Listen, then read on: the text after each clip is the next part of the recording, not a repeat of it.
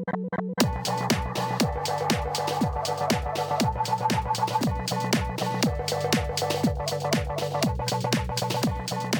og velkommen til Musikal i Monitor, og velkommen til sesong to. Eh, jeg heter Magnhild Konnestad og går musikkteater på Høgskolen Kristiania. Og denne podkasten handler om musikkteaterbransjen i Norge. Og i dag så har jeg med meg musikalartist Sigurd Andreas Vespestad Martinussen. Og han spilte i The Book of Mormon, eh, som alle vet ble en megahit. Eh, og Sigurd han har også spilt i andre forestillinger på Det Norske Teatret, bl.a. Uh, Utafor og Nila og Den store reisa.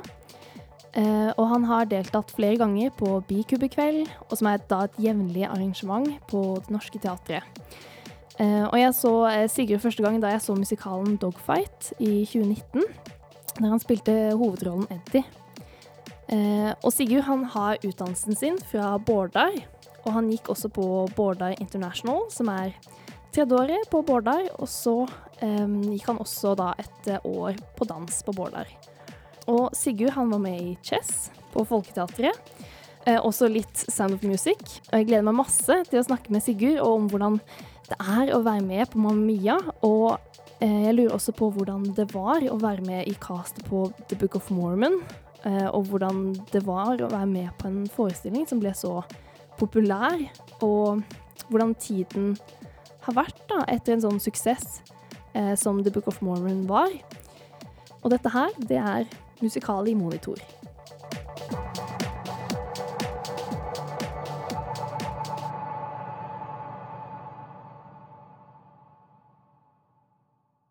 OK, men hei! Du må ikke slå mikrofonen. Nei, beklager. Velkommen til deg! Takk. Sigurd, Yes. så hyggelig. Hvordan eh, har du hatt det? Jeg har hatt en lang og fin juleferie. Jeg har flytta hjem til min mor nå, egentlig. Og Ja. bare spilt PlayStation og hørt på lydbok og fått for meg at jeg skulle strikke. Så Oi. det har jeg gjort. Hva er det du strikker for noe? De letteste artiklene mulig å strikke. Skjerf og luer. Ja. Oi. Ja, men det er bra. Det er et fint prosjekt da, i jula å sitte liksom og ha noe å fikle Ja. med. Ja, det har vært deilig. En Ja. skikkelig sånn avkobling. Men hvor er det du er fra? Eller hvor Jeg er fra Oslo, fra Bøler. Du er fra Bøler. Østkanten. Ah, Du og det ser er, det vel på mitt harde ytre at jeg er en getto-fyr.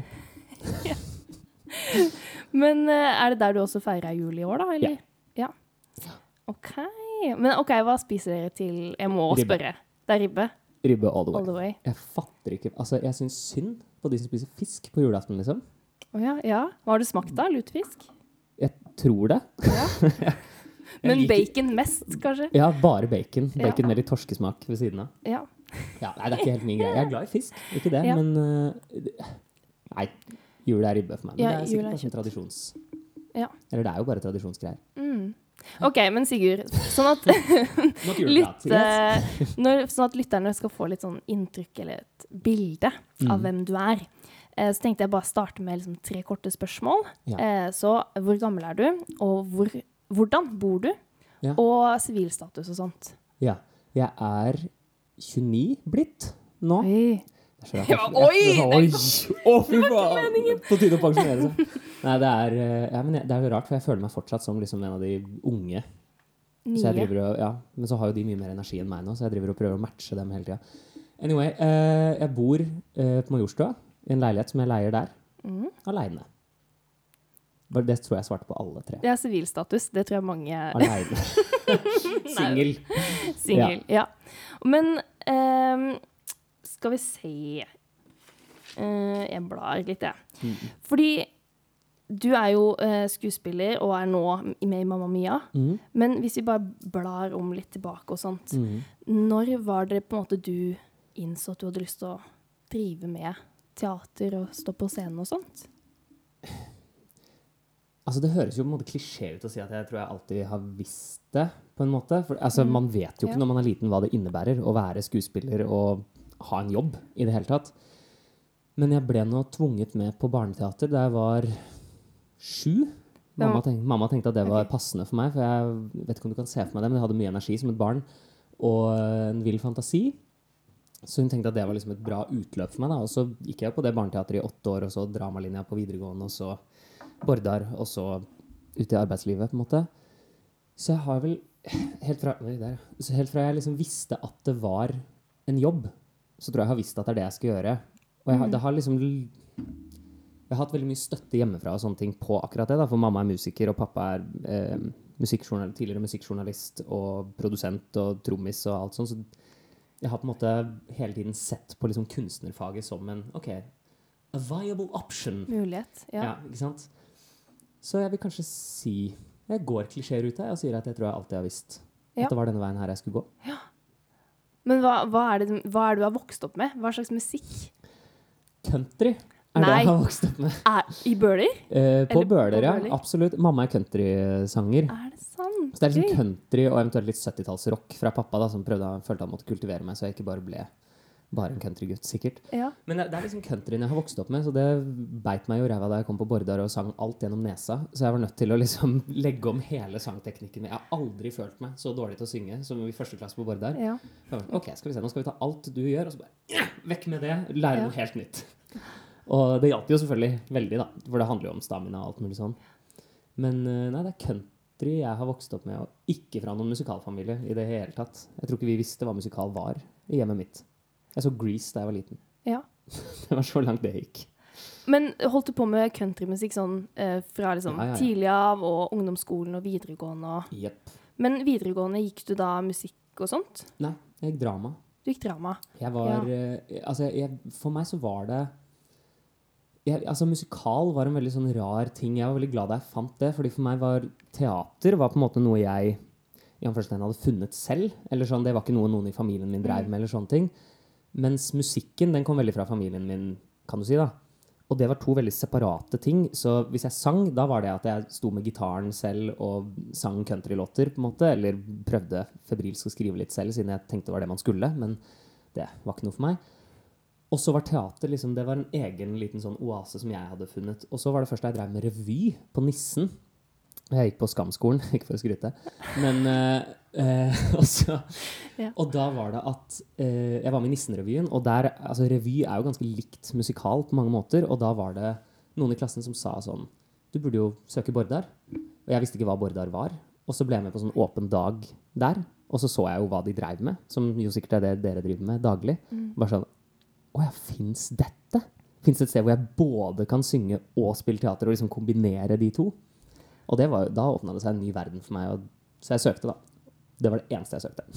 Jeg lurer bare på, Hvem tror du har hatt på måte mest påvirkning eh, på deg, hvis du skal si liksom en nøkkelperson da, som har fått deg til å drive med liksom, musikkteaterbiten? Å, det er vanskelig å svare på. Ehm, jeg føler jo kanskje jeg er et slags resultat av mange, av mange som har dytta meg i forskjellige retninger i, i livet. Og det er jo, altså mamma og pappa er jo to helt klare Ikke bare liksom at de har vist meg den verden, men det har også ligget veldig til rette i den forstand at de har alltid vært støttende. Alltid vært veldig sånn Hvis det er det du vil, så gjør du det. Måte, og aldri møtt noen motstand der. Aldri møtt noe sånn OK, men når skal du få deg en ekte jobb? Som jeg vet at folk kan få, da, fra foreldra sine. Um, eller så er det jo mange, liksom altså Sanglæreren min David Fielder, som jeg hadde på, på Bordar, Renate Strid, Sasha Mange som jeg på en måte har hatt, og medelever som har pusha meg. Og, og jeg, jeg visste jo ikke hva musikal var, liksom, da jeg begynte på Bordar. Jeg ante jo ikke hva det var. Jeg ville bare synge og spille teater. Det var det jeg ville. Alt annet var liksom Jeg visste ikke at det var en egen sjanger engang da jeg søkte. Så, så jeg lærte litt sånn Ja. Lærte på jobben, kan du si, da, eller på skolen. Som man jo skal.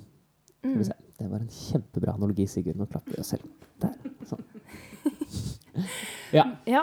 Men for du, du er jo nå med i Mamma Mia. Mm. Eh, og kan du bare liksom starte med å sånn, eh, gi en sånn kort handlingsreferat hva den handler om, og hvem er det du er i forestillingen? Ja, ja. Eh, Mamma Mia handler jo om Sophie, datteren til Donna, eh, som har vokst opp uten faren sin på en gresk øy, hvis navn ikke nevnes, så vidt jeg vet. Og nå håper jeg ikke at jeg tråkker i salaten der. Jeg tror ikke den nevnes. Um, og så handler det om at hun skal gifte seg med den unge Sky. Um, og hun har veldig lyst til å ha faren sin på bryllupet til, til bryllupet? På bryllupet? I bryllupet? I bryllupet. Og um, vet jo ikke hvem det er. Men så finner hun dagboka til Donna, og um, finner ut at ok, jeg tror det er en av disse tre mennene som kan være faren min, så hun inviterer alle tre og tenker at hun skal klare å finne ut av hvem det er før bryllupet går av staben. Og um, så handler det jo da om at hun prøver å finne ut, prøver å nøste opp dette her. da, Hvem er faren min, hvem er faren min? Og så spiller jeg eh, en i ensemblet, så jeg er alt fra eh, Toolboy, en gresk En som jobber på øya. Jeg er Flipperboy, når vi går i våtdrakter og Ja. med de der svømmeføttene. Heter det Flipperboy? Ja, de kaller oss Flipperboys da. Det var jo engelsk team, så vi har engelske navn på alt. Ja. Og så, ja, det er liksom danser og danser og ensemblerolle der. Og så er jeg understudy for han Sky, da. Mm, har du spilt Sky? Nei, bare på ganger? understudy gjennomganger Ja. og sånne ting. da. OK. Um, men også, for at Mamma Mia, eh, hvordan ser liksom kalenderen ut nå? Eh, er det sånn at dere får lov til å sette opp forestillinger med litt sånn færre publikum? altså, jeg, jeg, altså, jeg, er feil person å spørre om dette, for jeg melder meg så fort ut. Jeg er så lei av det. Men sånn som jeg har skjønt det, så har vi lov å spille. Vi har bare ikke lov av publikum, egentlig. Eller kanskje, vi har kanskje lov til 50 publikummere eller noe sånt. Men så lenge støtteordningene ikke er på plass, så lønner det seg jo ikke på noen måte økonomisk å spille, liksom. Ja. Så da um, blir det til at vi ikke spiller nå, da. Vi spilte vel vår siste åtte 18.12. Og så venter vi vel på hva som skjer nå framover, egentlig. Og dere vet ingenting om, om liksom Nei, det vet jo Eller, altså, vi, ingen. Vi har jo, vi har jo en spilleplan, den som står på, på nettsida til Folketeatret, liksom. Men, ja. uh, men, vi vet ikke noe mer nei. per dags dato ja. om når vi kan komme i gang igjen. Ja. Uh, men uh, før på en måte Norge åpnet opp, så mm. spilte jo dere for et publikum, ja. men med litt færre. ja vi spilte Men da var vel Enten så var det sånn at støtteordningene var på plass for de månedene, eller så var det at de, vi så så veldig åpninga i horisonten at vi At de turte å Mm. turte å starte med Altså, vi spilte vel første Første prøveforestilling tror jeg var for 200, andre var for 400, så for 500, og så spilte vi for halv sal, som er 700 i sikkert en måned eller noe sånt, og så åpna vi da for fullt. Hvordan var det å gå fra 700 til full sal? Ja, det var helt sjukt. Det var helt sjukt. Men hvordan merker, det, merker du det når du står på scenen?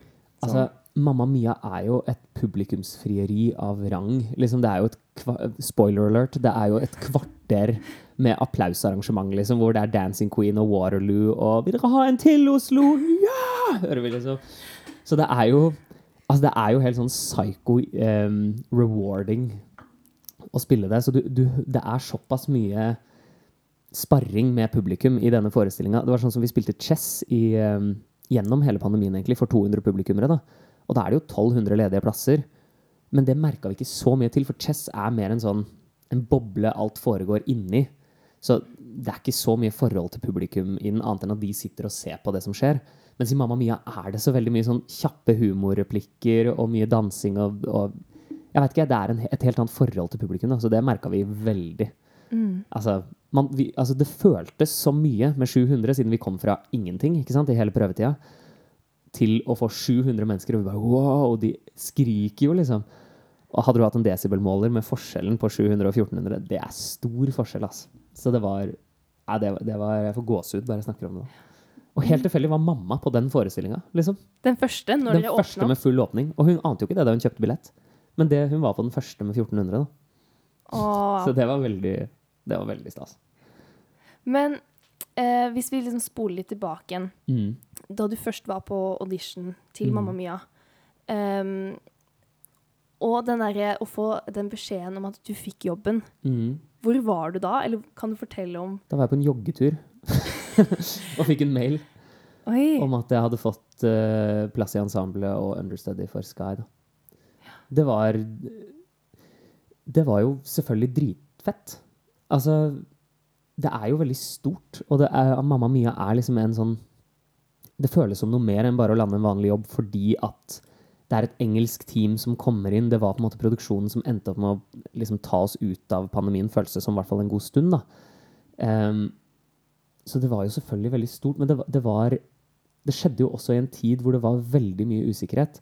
Altså Min siste auditionrunde på Mamma Mia var 11. mars. 12. mars stengte alt. Men ja, Så- 2019? Ja. Ja. Så nei, ja. 2020, jo. 2019. Var det 2019 vi stengte? Ja. Å, herregud. Jeg er gammel. Uh, men eh, ja, da. og da um, Så jeg var jo inne dagen før. Jeg hadde til og med, jeg drev jo og hosta da. Så jeg hadde jo ringt koronatelefonen. Vi ante jo ikke Altså, man visste jo ikke. Nei, liksom. man visste jo Så jeg ringte jo koronatelefonen som Du, jeg skal på en audition. Jeg, driver og hoster og sånn. Ja, har du feber? Nei. Så bare, Nei, da går det helt fint. Bare kom deg på audition. Jeg bare, ok.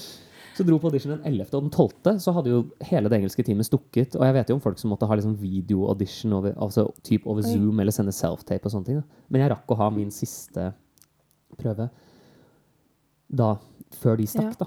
Så det var jo Det bidro jo til å gjøre Og så jeg skal ikke si at audition ikke glemmer boka, men da plutselig var det jo veldig mye annet å tenke på. da, ikke sant? Du skulle plutselig søke Nav, og det var et, et Du visste jo ikke om bransjen fantes, liksom. Én mm. ting er at jeg visste ikke om jeg hadde jobben, men jeg visste ikke om jobben eksisterte i det hele tatt. Og så ble den jo etter hvert forskjøvet. Jeg husker faktisk ikke om det var før eller etter jeg fikk jobben, men den ble jo forskjøvet med et halvår.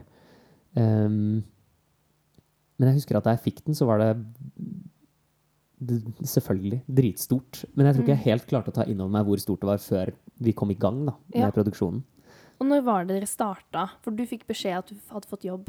Eh, Nesten et da- år før. Ja, altså et år før Mamma Mia-premieren? Ja, eller? før prøvetida, nesten.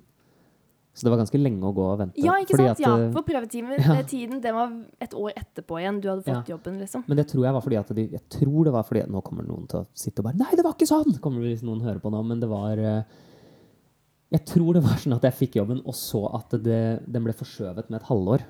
Fordi at de så at vi kommer ikke til å kunne spille for publikum. Og Mamma Mia for 200 mennesker er litt sånn Det er sånn Kom igjen, opp på beina, dancing queen! Og da er det litt sånn kjipt hvis det er 200 i salen. Så de ville liksom satse heller på å få full åpning. Altså de utsatte den med et halvår. Så jeg tror det er derfor vi gikk så lenge fra vi fikk jobben til vi starta. Mener jeg Ja, å huske. skjønner. OK. Mm. Oh, men eh, når var det du Fikk du manus med en gang? Er det sånn at du har fått jobben, her er manus, vi ses om et år? Eller? Nei Ja, når var det vi fikk det? Nei, det var kanskje noen måneder før. Ja. Og så- det var jo Jeg er jo en, en overachiever, føler jeg selv. Så jeg er sånn at Da vil jeg ha øvd før jeg kommer på prøver og, og alt sånn. Og vi, her fikk vi faktisk øvingstracks av eh, liksom pianisten, og det var, det var veldig, lå veldig til rette da, for at man skulle kunne prestere bra i prøvetiden. Og eh, så er det jo litt ekstra sånn Faen, det er et britisk team. Ok, jeg vet ikke hvor de legger lista. Og fuck, fuck, fuck, tenk om de er dritstrenge og sånn. Og det var de, men um, Men da var det litt sånn eh, Hele ensemblet steppa opp, liksom. Så vi hadde en kjempeeffektiv og veldig sånn harmonisk prøvetid. Alle var veldig på hugget, da. Alle var villige til å sette inn det ekstra støtet. Og hvordan var det å jobbe med et engelsk team? Kan du liksom, hvor, hvor må det være et engelsk team hvis man skal sette opp Mamma Mia? Altså, Mamma Mia er vel fortsatt veldig sånn rettighetsbundet. Um, og det vi satte opp, er jo det som heter en replikaversjon. Som vil si at all koreografi og sånn er det samme. Så i teorien, altså med, det er en sannhet med små modifikasjoner, da, så skulle du kunne plukka ut hvem som helst av ensemblet og bare satt oss inn i det tracket i London eller i Hongkong, liksom for den saks skyld. Bare med andre tekster, da. Fordi det er helt det samme. Um, eller så var jo det engelske team De var veldig fine. Og så tror jeg de Jeg tror de nøt litt den uh, vet ikke, skremselen som var i eh, ensemblet. Litt Ja. sånn ærefrykten som var i ensemblet. Um, men de var veldig varme og fine med oss etter hvert. Og sånne ting. Og så tror jeg de så Jeg tror det ble ganske kjapt en gjensidig respekt, da, for de så at vi var villige til å jobbe veldig hardt. Og sånne ting. Og de, ok, da turte de å ikke liksom mase på oss heller, da. Mm. Eller så var jo koreografen Nicola, hun var Jeg har fortsatt et sånt minne av en dag hvor altså det, det finalenummeret er blytungt. Liksom det, er, det er nesten et kvarter, tror jeg. Tror jeg. Ti minutter, kvarter. Med bare non stop synging og dansing. Og det, altså det er så utilgivelig når det kommer til lungekapasitet. Um, og så hadde vi Vi starta hver dag i prøvetida med 20-30 minutter med styrke og kondisjon. Hele ensemblet. Det var sånn militær bootcamp, liksom. Ja, men Og det var hun som styrte det, eller var det ja, sånn det, nei, det var en vi eh, koreografiassistent som heter Steffen. Fantastisk. Okay, ja. Som, han var sånn Come on, guys! Everyone! Han var dansk. Come on, no slouching, no slacking. Yeah, yeah, yeah, let's go! Og da var det bare Det var pushups og situps og løping og høye kne... Altså, det var liksom Så du var gjennomsvett allerede da. Så det, og så husker jeg den dagen her hvor vi gikk rett på det finalenummeret, som da er blytungt. På en prøvedag? Ja, på en prøvedag. Så dette var jo da liksom 20 minutter styrke og kondisjon, så rett på det greia. Og jeg hadde med pulsklokke, husker jeg, og jeg så ned på den. Jeg var på 186 i puls, og det rant svette av alle sammen. Og så så du hun sto borti liksom et hjørne litt sånn strengt, og bare sånn Grab a sip of water. This is not a break. We're doing it again.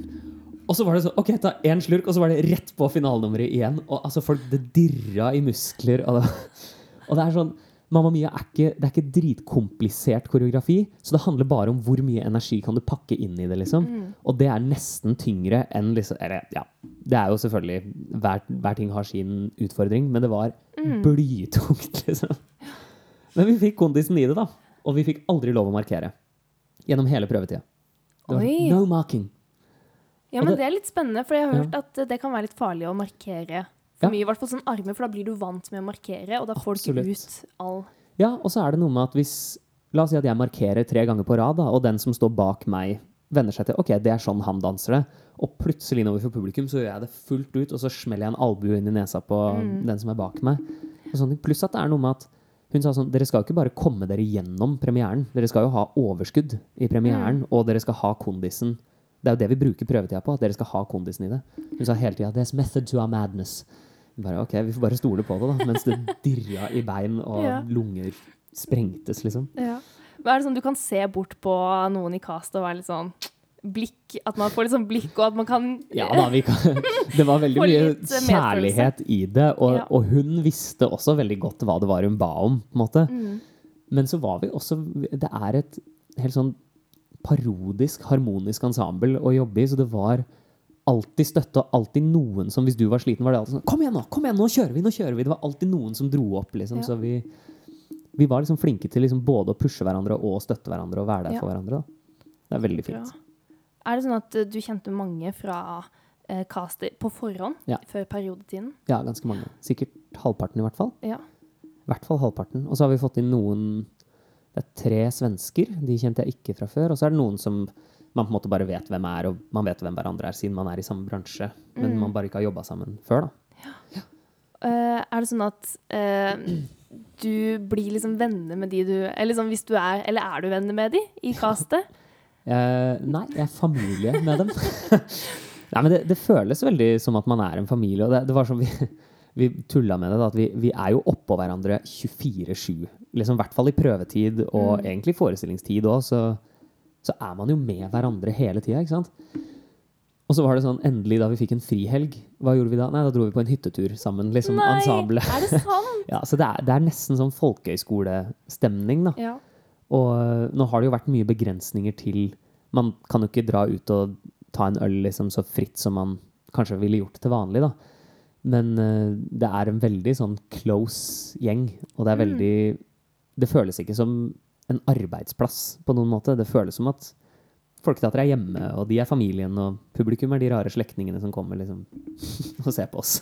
Er det, er det på en måte det første, første gangen du har opplevd at det er så closed innad i et cast, eller føler du at det er for hver forestilling som du er med i, at det er sånn at man er gode venner? Eh, og klarer du å holde på de? Det var mange spørsmål på en gang. Nei, nei, men det, jeg, jeg, skjønner, jeg skjønner det veldig godt. Altså, jeg, jeg føler absolutt at jeg har vært med i flere ensembler der det har vært en sånn fellesskapsfølelse. Uh, Book of Mormon var jo en av dem, og det var altså Vi levde jo oppå hverandre i over to år, liksom. Så den var jo Der var det jo umulig å ikke bli en familie. Vi hadde jo sett hverandres både gode og dårlige sider liksom over to år, og måtte jo bare være med hverandre hele tiden. Så vi lærte jo å bli veldig glad i hverandre der. Dogfight også var et helt nydelig ensemble.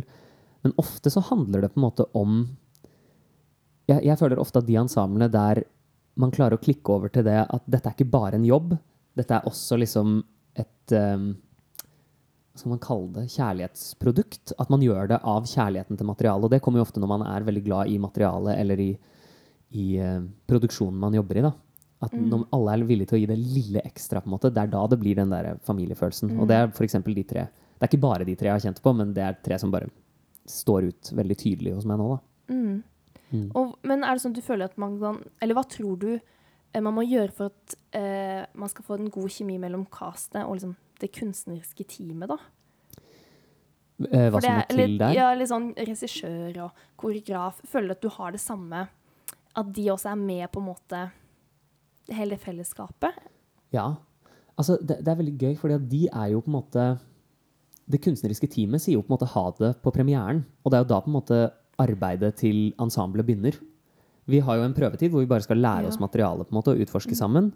Og så stikker jo regissør, og, og vi ser dem kanskje en gang iblant hvis de vil innom og se hvordan det går med forestillinga. sånn, Men de er jo ferdig.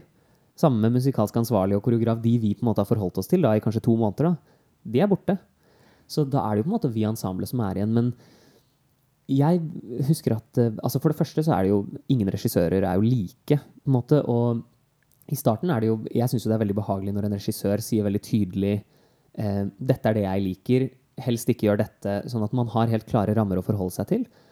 Og, um, og så handler det om å, å på en måte en, en litt sånn switch jeg gjorde, i, gjorde i mitt hode, var å ikke tenke at liksom regissøren automatisk er sjefen. Fordi det er veldig lett å tenke at det er et slags hierarki, og det er jo på en måte det, men vi er på en måte bare ansatt med forskjellige funksjoner. Ok, den Regissøren skal liksom male det store bildet. Jeg skal på en måte fargelegge det med min greie, og så skal de andre fargelegge det med sin greie. Og koreografen skal bestemme hvor vi beveger oss i dansenumrene, og den musikalsk ansvarlig skal få ut. Altså, det er liksom å tenke at vi, vi alle drar lasset sammen. Da. At det er ikke én som bare skal fortelle meg hva jeg skal gjøre. Jeg skal også komme med tilbud. Jeg skal også utfordre regissøren og bli utfordra. Og, og prøve å ta utfordringer på strak arm så godt det lar, lar seg gjøre. Ja. Og det er jo liksom det å samarbeide på den Mm. måten, da. Har du opplevd at det kan være vanskelig å samarbeide med noen i castet, eller Som regel så er det jo bare å Altså, det heter jo en prøvetid. Man skal prøve og feile. på en måte. Det er det man skal.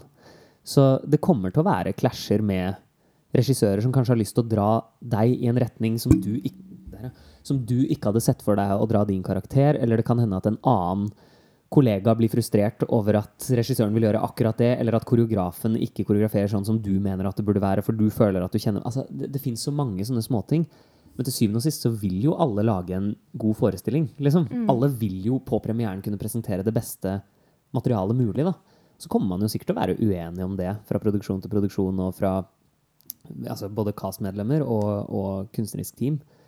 Men jeg, har, øh, jeg kan ikke huske å ha liksom møtt noen sånn skikkelig En sånn vegg av motstand? Det, nei, Nei. Det ikke som jeg kan huske, i hvert fall. Men uh, du nevnte jo også Book of Mormon. Du har jo Mm. vært uh, med i noen forestillinger på Det Norske Teatret. Mm. Um, kan, jeg, kan jeg bare spørre, hvordan avtale har du da med Det Norske Teatret? For de har vel noen faste skuespillere? Ja. Uh, sånn som det var for oss, var det jo at vi var en gjeng utenifra som ble casta til egentlig bare å gjøre Book of Mormon. Eh, og da fikk vi det som heter en stykkekontrakt. Som er at ok, du er spesifikt hyra inn for å gjøre denne produksjonen. Liksom, og det var Book of Mormon. Men så utarta det jo seg jo sånn at uh, Book of Mormon endte opp med å gå en liten stund. Og de skjønte at sånn, ok, de skal allikevel være på huset her en god stund. Vi, gjør om kontrakt, eller vi gir dem en ny kontrakt som er en årskontrakt. Og dermed ble vi på en måte da en del Da ble vi ansatt av Det Norske Teatret. da, Ikke hyra inn som skal man si, eksterne artister for å gjøre én produksjon, men nå var vi ansatt av Det Norske Teatret. Og dermed kunne vi være med i flere produksjoner da, på huset. Så det var sånn det fungerte. Fikk du lov til å uh, være med da i Da gjorde jeg Nila og Den store reisa. Ja. eh, en eh, barneforestilling. Og et stykke som heter Utafor, av Svein Timberg. Og det var etter du hadde fått uh, Book of Mormon, Ja, det var etter jeg hadde jobba i Book of Mormon i et år. ikke sant? Mm. Åh, um, jeg fikk lyst til å spørre om alle det her eh, Jeg har sett bilder av um, den um, Nila og den Ja, Nila Den store Store reisa. Ja. kjempemasse fine sånn kostymer og Altså Visuelt er det noe av det sjukeste jeg har vært med Ja. på. liksom. Det var jo, Vi hadde tre hus som var fire meter høye på scenen. En real size tank, en båt, det var flyverigg, og det var På et tidspunkt hadde, var det en kjole av sånn para, eh, hva heter det? Ikke paraply. eh, fallskjermstoff. Som ble dratt utover, som var like stor som scenen. Som ble dratt ut av liksom dragen Morgana. Som vi dro ut og lagde sånne bølger med, og sånne svære bølger. Og vi var under der. Det var det mest desorienterte jeg har vært i hele mitt liv. Og, og eh, det- altså, jeg tror visuelt så var, det, var den helt sinnssyk, liksom. mm, For det var i en sånn periode hvor det var mye fokus på Det Norske Teatret, vet jeg, om å ta barneteater veldig på alvor, og ikke liksom bare ikke undervurdere barn.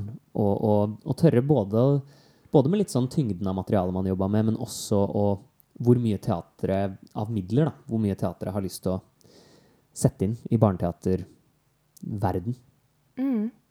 Men ja, for den var ganske sånn trist, eller dyp, på en måte. Ja, den den handla sånn jo om flyktninger. Altså Ja. om båtflyktninger, rett og slett. Så det handla om en jente som het Nila, da, som uh, måtte flykte fra landsbyen sin fordi uh, militsen angrep. Og hun og bestefaren og en venn av henne var ute på havet, da. Og hennes måte å takle liksom, hva skal man si, PTSD og alt mulig sånn, var å Hun måtte gjøre det om til liksom en historie, til fantasi, at OK, tanksen, det var en drage, og, og hun gjorde det om til liksom sånn at de var ute på havet, og da kom det liksom de forskjellige vindene var karakterer og sånne ting, da. Så det var, eh, det var liksom hennes måte å takle det et barn aldri skulle måtte takle, på en måte. Og jeg fikk, fikk lyst til å snakke masse om den forestillingen, men jeg eh, har liksom på en måte eh, bestemt meg at jeg har også veldig lyst til å snakke om Book of Mormon. Og hvis vi skal få tid, så må vi bare Kjør på. eh, starte der. Mm. Book of Mormon. Hva er liksom Har du et minne som står litt ut, som er liksom det beste, eller et godt minne, da, fra Book of Mormon? Den perioden? Og jeg har mange. Altså, det, det var jo livet mitt, liksom, i, i to år. Og det hører jo med Altså sånn, jeg er jo Overalt så er jo jeg Book of Mormon-fan. Liksom, jeg skrev oppgaven min om Book of Mormon da jeg gikk på Bordar. Jeg så den før den hadde premiere på Broadway. Tilfeldig, fordi jeg var South Park-fan, liksom. Med originalkastet. Hvordan Fortell Det, ja, det var jeg og pappa og farfar som ikke snakker et ord engelsk. Vi var på liksom, guttetur i eh, New York. Og så fordi jeg var South Park-fan, da gikk jeg i tredje klasse på videregående, så dette var før jeg visste hva musikal egentlig var. Og vi var der Jeg tror det skulle være liksom to uker før premieren eller noe sånt. Og jeg, jeg visste jo ikke om previews. Jeg visste jo at det var en greie, liksom. Prøveforestillinger. Og så var jeg og pappa og farfar da på Times Square, og der var det masse folk utafor Eugene O'Neill Theater. Og der det sto Book of Mormon, og så var det masse folk der. Så jeg går bort og Unnskyld, denne her skal jo ikke åpne før om noen uker. Bare, Nei, vi er i previews. Vi har tre billetter igjen til i kveld. Vil dere ha dem? 40 dollar, liksom. Vi bare eh, Ja takk. Og satt jo da og så originalkastet Book of Mormon. Det her var jo lenge før Tony Awards og før premieren og alt mulig sånn. Og så har jeg jo da sett den Jeg, hadde, jeg tror jeg hadde sett den fem-seks ganger. Altså tre ganger i New York og tre ganger i London, tror jeg. Før jeg fikk jobb i den selv, da. Så det var det var jo altså bare det å Jeg har mange sånne holdepunkter som jeg husker. For det første da liksom Det Norske Teatret utlyste at de skulle gjøre den. Wow, kommer den til Norge? Ble du redd da? Eller hva, hva følte Veldig. du på da? For da var, eh, da var ryktet at eh, de ikke skulle ha auditions for Mormonerensemblet. At de bare skulle bruke folk på huset. Og så ble det lagt ut en film hvor Vidar Magnussen satt og snakka til kamera og fortalte at vi skal holde åpen audition for eh, Book of Mormon Eller ikke åpen audition, men vi holder audition for Book of Mormon. Send søknad her, liksom. Og det var Jeg har en tendens til å legge mye press på meg selv og, og sikkert til tider syke ut meg selv og sånne ting, men da var jeg da hadde jeg på en måte bare godtatt at sånn, ok, jeg skal ikke være med i originalproduksjonen av Book of Mormon i Norge. Og det er greit, liksom, fordi de skal ikke ha audition engang. Så, så da det var søknad, så var det sånn, ok. Men jeg har allerede liksom kommet til den erkjennelsen at jeg ikke skal være med. Så jeg bare, ok, jeg søker, og så drar jeg på det som en slags workshop, husker jeg at jeg tenkte. Og øh, fikk audition, og så, ja, var det jo hele auditionprosessen. Og så fikk jeg den sånn, jeg husker ikke, tre dager etterpå. Et, tre-fire dager etter audition, tror jeg. Fikk jeg- Første audition? Eller var det ja, det, det, flere? nei, det var, det var flere runder, men det var over én dag, da. Så vi var der jo en okay. Ja, vi var så oi. slitne etter en dag. Det var veldig gøy, fordi at først var det jazz, var det vel? Og så var man noen som gikk videre til step, og så gikk man videre da til sang, og så ble det liksom gruppesanggreier da, da. Og da var det jo jeg og Karl Martin og Sindre, som alle endte opp med å få jobb, vi hadde jo gått i klasse sammen på Bordar. Og vi hadde jo vært og sett Book of Mormon sammen i London og på klasseturer og sånne ting. Og vi endte opp på en sånn gruppeoppgave sammen da, og ble spurt Vidar Magnussen sa sånn jeg, jeg mener ikke å stresse dere, men kjenner dere, til sangen 'Hello'? Vi ja, vi kan sånn litt, liksom. Eller sånn, vi kjenner litt til den, eller hva, hvordan da? Så, kunne dere ha prøvd å stunte den? Vi bare ja, ja, ja, vi kan prøve, liksom. Og vi bare OK, tar du den, du tar den. Okay. Og så sang vi Jeg tror vi sang flerstemt, liksom, på, på audition. Jeg har gjort dette her Ja, i vi, tre år. vi var jo, hadde jo allerede en liksom gratis kjemi, da. Og så fikk vi jo inn da Hansa og Mikkel også, så, og Joakim Westad, som også vi kjente, liksom. Så det var, helt, det var helt nydelig. Og så hadde vi da vært på audition hele den dagen, da, og så kom inspisienten og sa Tusen takk for at dere har vært her hele dag. Vil dere ha billetter til kveldens hovedsceneforestilling, liksom? Og vi hadde jo så mye adrenalin på det tidspunktet. Jeg og Karl Martin som bare Ja, ja, ja, vi tar, vi tar billett! Ja, ja, ja, takk! Og det var Jon Fosses draum om Hausten. Én akt på 1 time og 40 eller noe sånt. Så vi, vi setter oss huh, Yes! Fortsatt liksom drithøyt oppe etter audition. Og så hører du sånn En som kommer gående inn sånn Kjem han ikke? Han sa han skulle komme. Så kommer en annen sånn Han sier det jo alltid, men så kjem han jo ikke. Og vi, vi fikk kollektiv latterkrampe, og jeg tror Karl Martin sovna halvveis. Altså, det var bare helt det, Vi var bare ikke i modus. Så jeg husker seinere en gang det var noen som spurte sånn, «Å, du så den, hvordan var den? Jeg, ba, jeg aner ikke. Jeg aner ikke åssen den var. Jeg, jeg føler ikke jeg har sett den. Jeg var et helt annet sted i hodet mitt. Ja. Men uh, ja, det var audition-dagen til Book of Mormon. Fordi eh, Når dere hadde premiere og sånt, Ja. før premiere på Book of Mormon, Ja. var du noe nervøs, eller tenkte du på sånn For da har du sett Du har jo sett den mange ganger, da, og Mm. den har jo gått eh, i New York, London, ikke sant, Mm. og blitt tatt veldig godt imot. Men var du noen gang litt sånn bekymret for hvordan det norske eh, publikummet skulle ta eh, imot The Book of Mormon? Nei. Nei, du tenkte Jeg aldri var på det? ja, men, Eller sånn Jeg tenkte at folk som ikke ler av den, er veldig dumme. Jeg, så jeg tenkte, jeg tenkte liksom at sånn Ja. Jeg vet at dette er morsomt. Jeg vet at dette er kvalitet i alle ledd. Så det spilte liksom ikke noen rolle for meg. Jeg var jo selvfølgelig nervøs, fordi Altså, det, det var jo en Litt sånn som Mamma Mia også var, eh, var jo dette altså en veldig sånn happening. Liksom, det var jo alt alle snakka om i bransjen, og herregud, Book of Mormon skjer. Liksom, det hadde man jo aldri trodd. Og i hvert fall ikke på det norske teatret.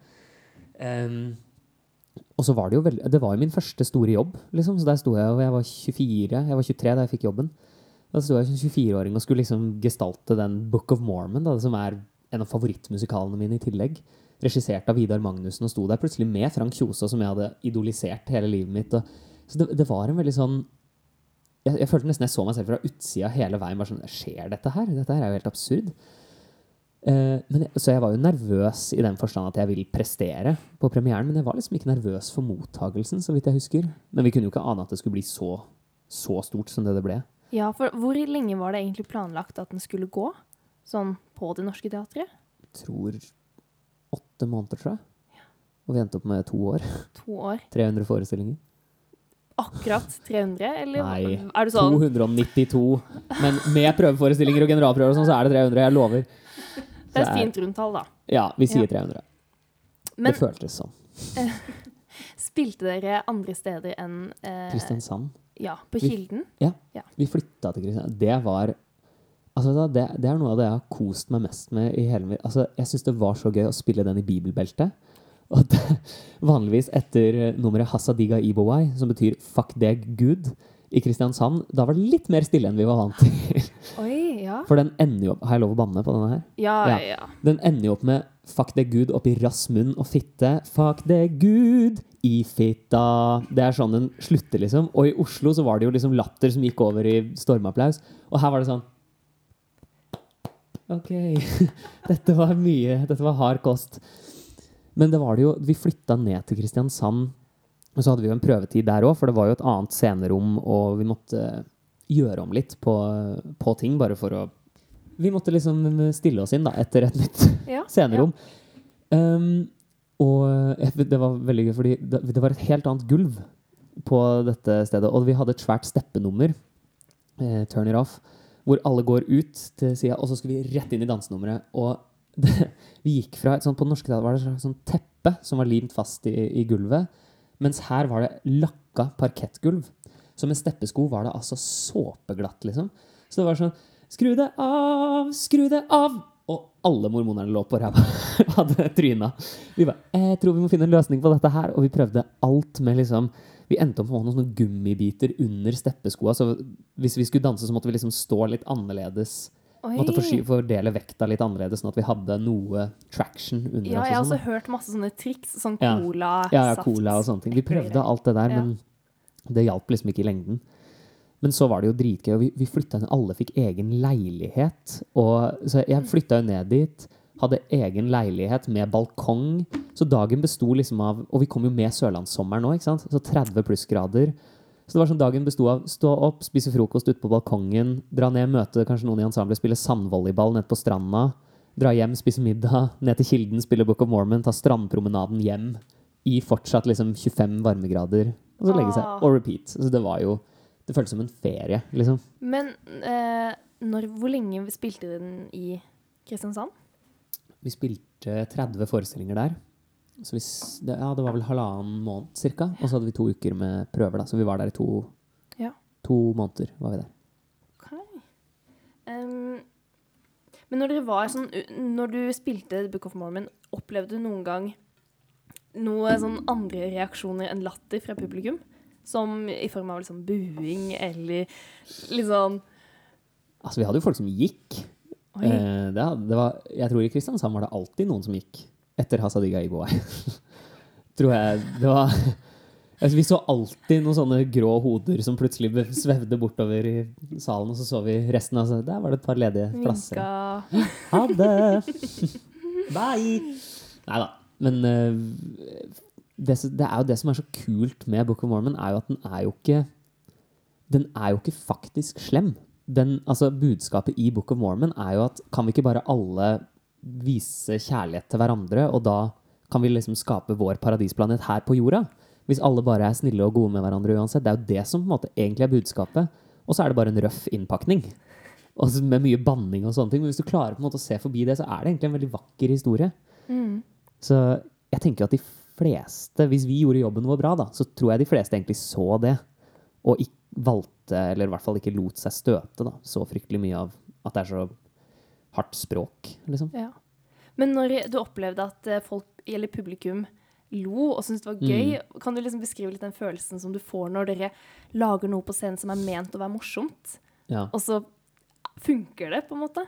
Ja, for altså, vi hadde jo i prøvetida Vi daua jo, liksom. Vi syntes jo det var dritgøy. Da vi, første gang vi hørte det derre altså, Vet du hva, da, da lo jeg så jeg grein. Fordi Are Kalve sine oversettelser da, var jo helt fantastiske. Og eh, den derre Joseph Smith, ikke knull baby Alt det der. Når de har det derre eh, eh, Uganda-ensemblet har sitt liksom sin, sitt teaterstykke om Ja. hva som liksom er The Book of Mormon. Og vi skal jo da stå og være tilskuere til dette her. Altså, jeg klarte, Vi klarte jo ikke å holde oss, liksom. Vi, vi lo jo så vi grein av, av eh, hvor gøy det materialet er. Så vi visste jo på en måte at dette er dritgøy. Og det var jo nesten sånn Nå kommer det, nå kommer den punchline, nå kommer den punchline. Og så får vi den eh, belønninga, kan du si, for leveringa av, av det som vi gjorde. Og det, altså, det var jo helt fantastisk. Folk lo jo så de grein i publikum. liksom. Folk skreik. Vi måtte vente lenge fordi at folk ikke var ferdige å le. Og på premieren var det jo, da var det jo også helt sinnssykt. Da var det jo applaus som varte så lenge at vi bare sånn Nå må vi bryte inn i applausen for å gå videre. Og sånne ting. Og det var jo, det var jo sånn eksempel i Turn It Off, når, vi, når lyset Vi, slår, vi klapper jo av lyset, liksom. Og så når lyset kommer på igjen, så har vi på sånne rosa paljettvester. Og se blikket til publikum da også. Var, det var masse sånne gøy Også et sånn publikumsfrieri, da. Litt som Mamma Mia. Hvordan er det med dere eh, i ensemblet når dere har gjort det så mange ganger at det blir kanskje ikke like, like morsomt for dere? Men jeg vet jo at, eller sånn, at man gjør litt endringer, sånn at uh, det skal bli litt gøy og litt nytt.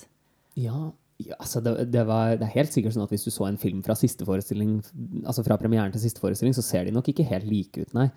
Men det er jo en slags sånn Vi spilte jo 300 forestillinger, liksom, så småting har nok Hadde jo selvfølgelig endra seg i løpet av den tida.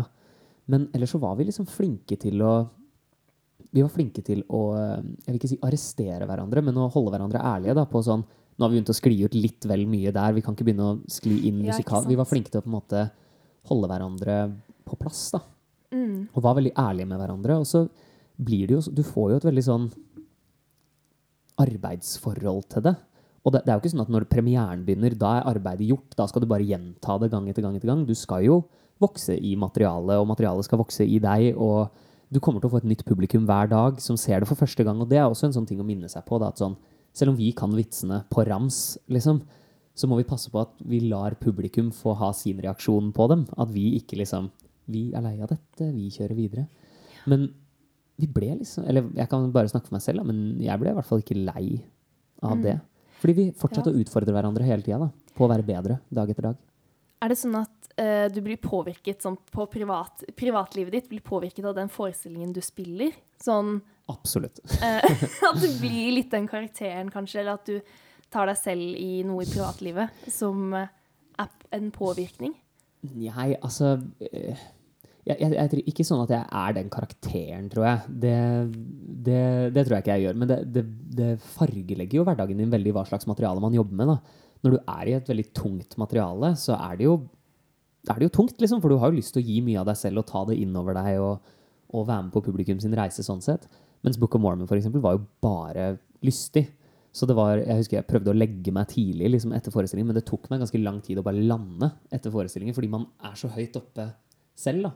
Og jeg hadde altså så syke kjevespenninger de to årene, fordi man går sånn og nismiler på scenen. Så jeg sto og masserte ut kjeven liksom hver dag.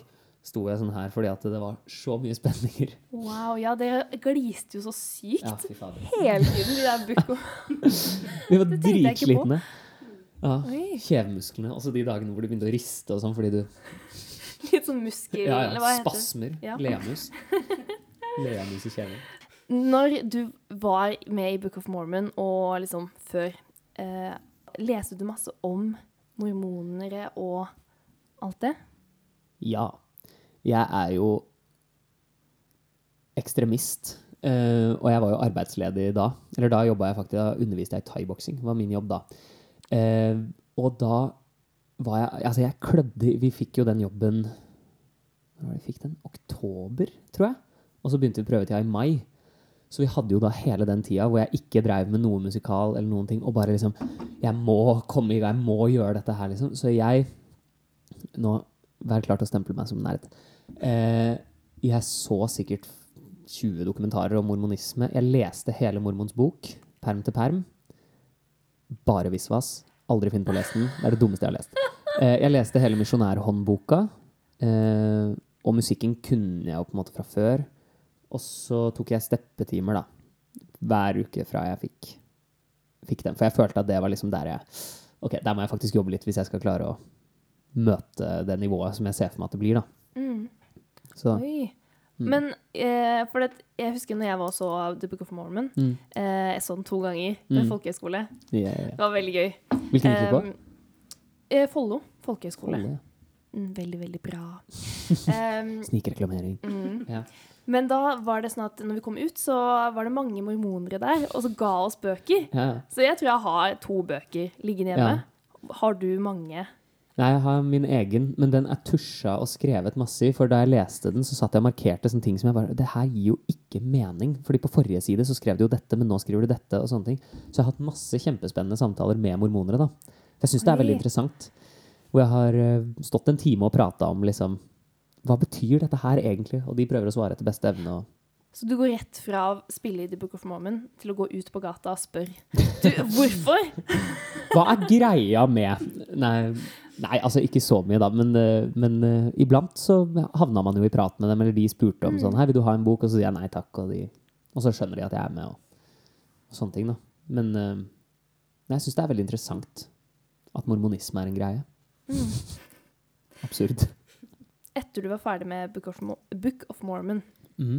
Um, hvordan var den perioden etterpå?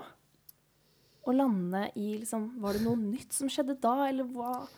Ja, altså, det gikk veldig jeg, var rett, jeg, jeg ble rett og slett litt utbrent på et tidspunkt der. Ikke litt engang, jeg ble jo ganske utbrent der. Og det var jo nesten en slags sånn separasjonsangst, føler jeg, etter Book of Mormon. For det hadde vært så Det føltes ikke som bare da du var på jobb, fordi mye av fritida ble brukt på liksom enten behandling av skader eller forebyggende trening eller sånne ting. Fordi det gikk Altså, den var hard for kroppen og for stemme og for alt mulig, så mye fritid gikk med til å på en måte gjøre seg rusta til å kunne gjennomføre på kvelden igjen. Da.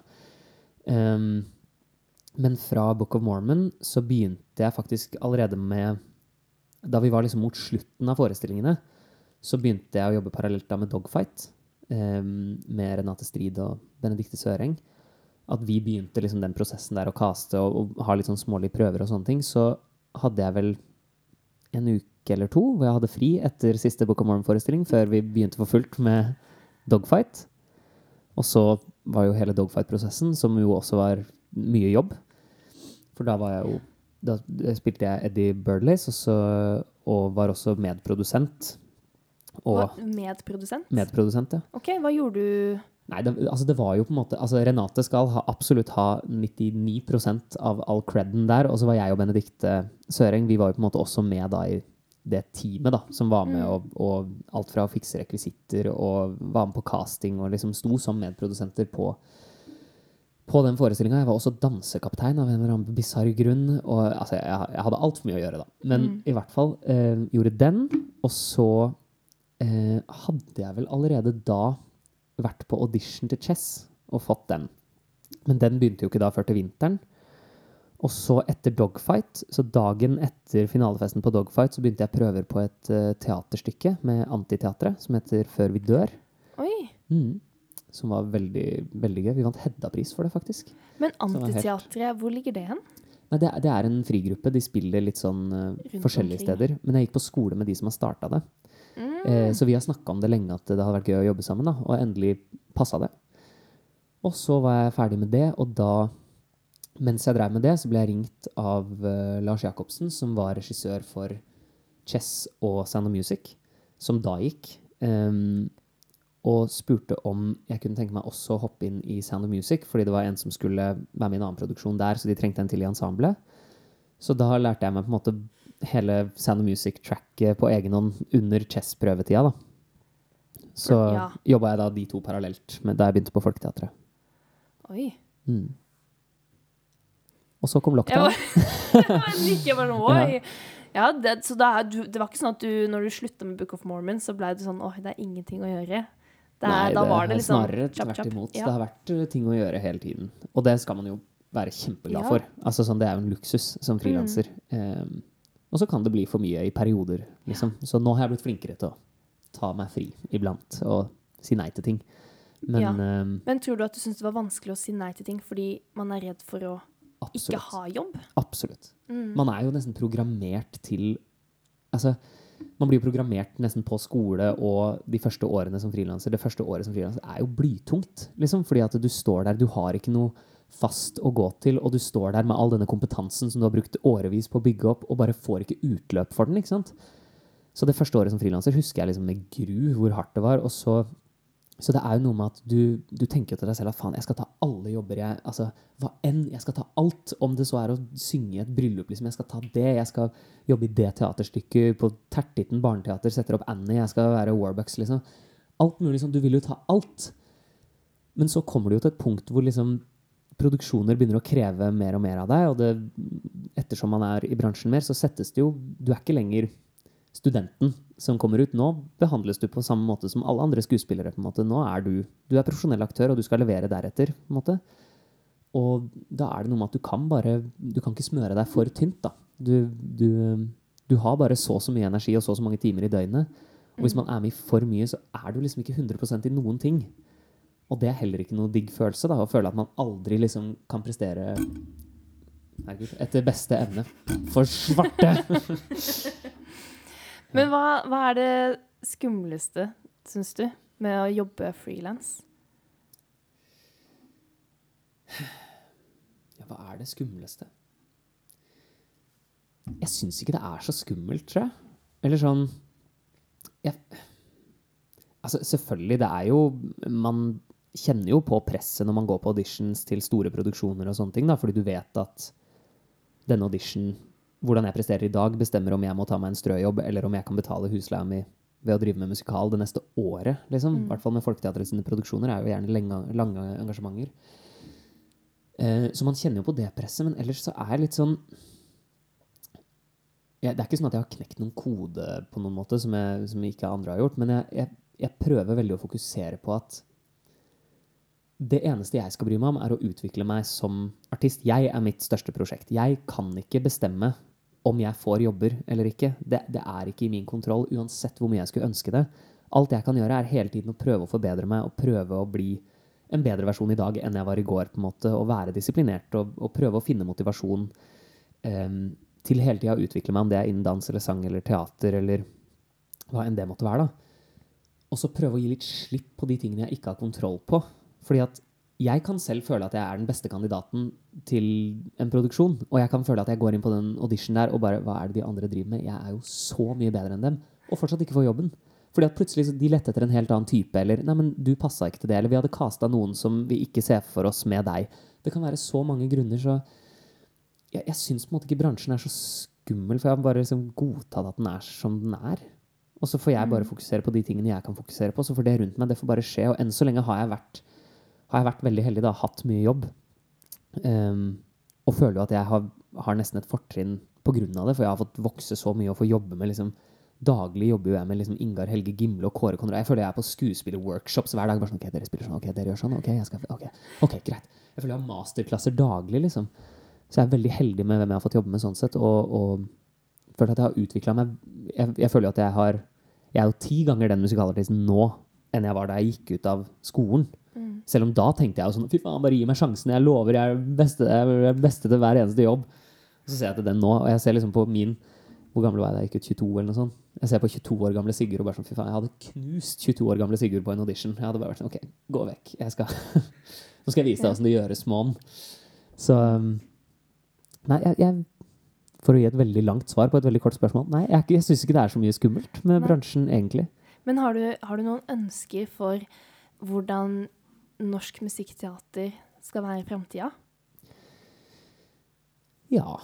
Um, hovedsakelig så håper jeg jo at den tas på alvor.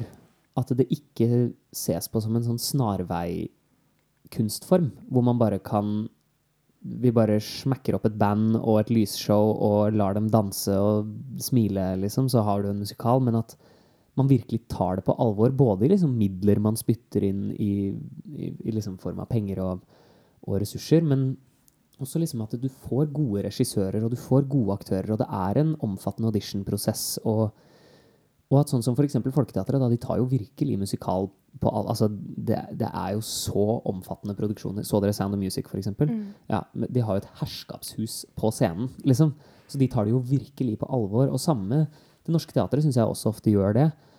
Og jeg, jeg tror det på en måte er å, å bare virkelig kvitte seg med liksom den show Ikke at det ikke skal være rom for show, fordi at det, det har også sin plass, liksom.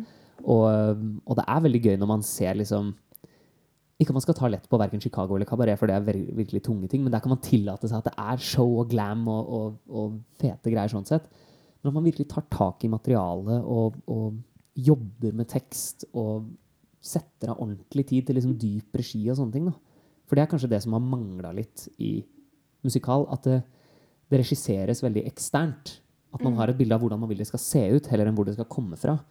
Og det var jo veldig befriende da f.eks. å jobbe med Renate Strid, da, hvor vi, altså vi hadde Jeg tror vi jobba i et år med tekst, liksom. Og bare, bare jeg og Benedicte dialogarbeid fant nye måter å finne ut av Finne ut av hvor vi ville dra dialoger og sånn. Ja. Mm. Det tror jeg er veien å gå med musikal. Og bare på ingen måte undervurdere det. For det er jo den, kanskje den vanskeligste kunstformen å gjøre. Tusen takk Mm. for deg. Jeg syns du avrunda det veldig på en fin måte. Så det var veldig spennende å høre på deg. Og takk for at du ville være med. Jo, det var kjempehyggelig det her. Så bra. Og nå ble jeg inspirert. Nå har jeg lyst til å Tøye. ha det bra! Ha det.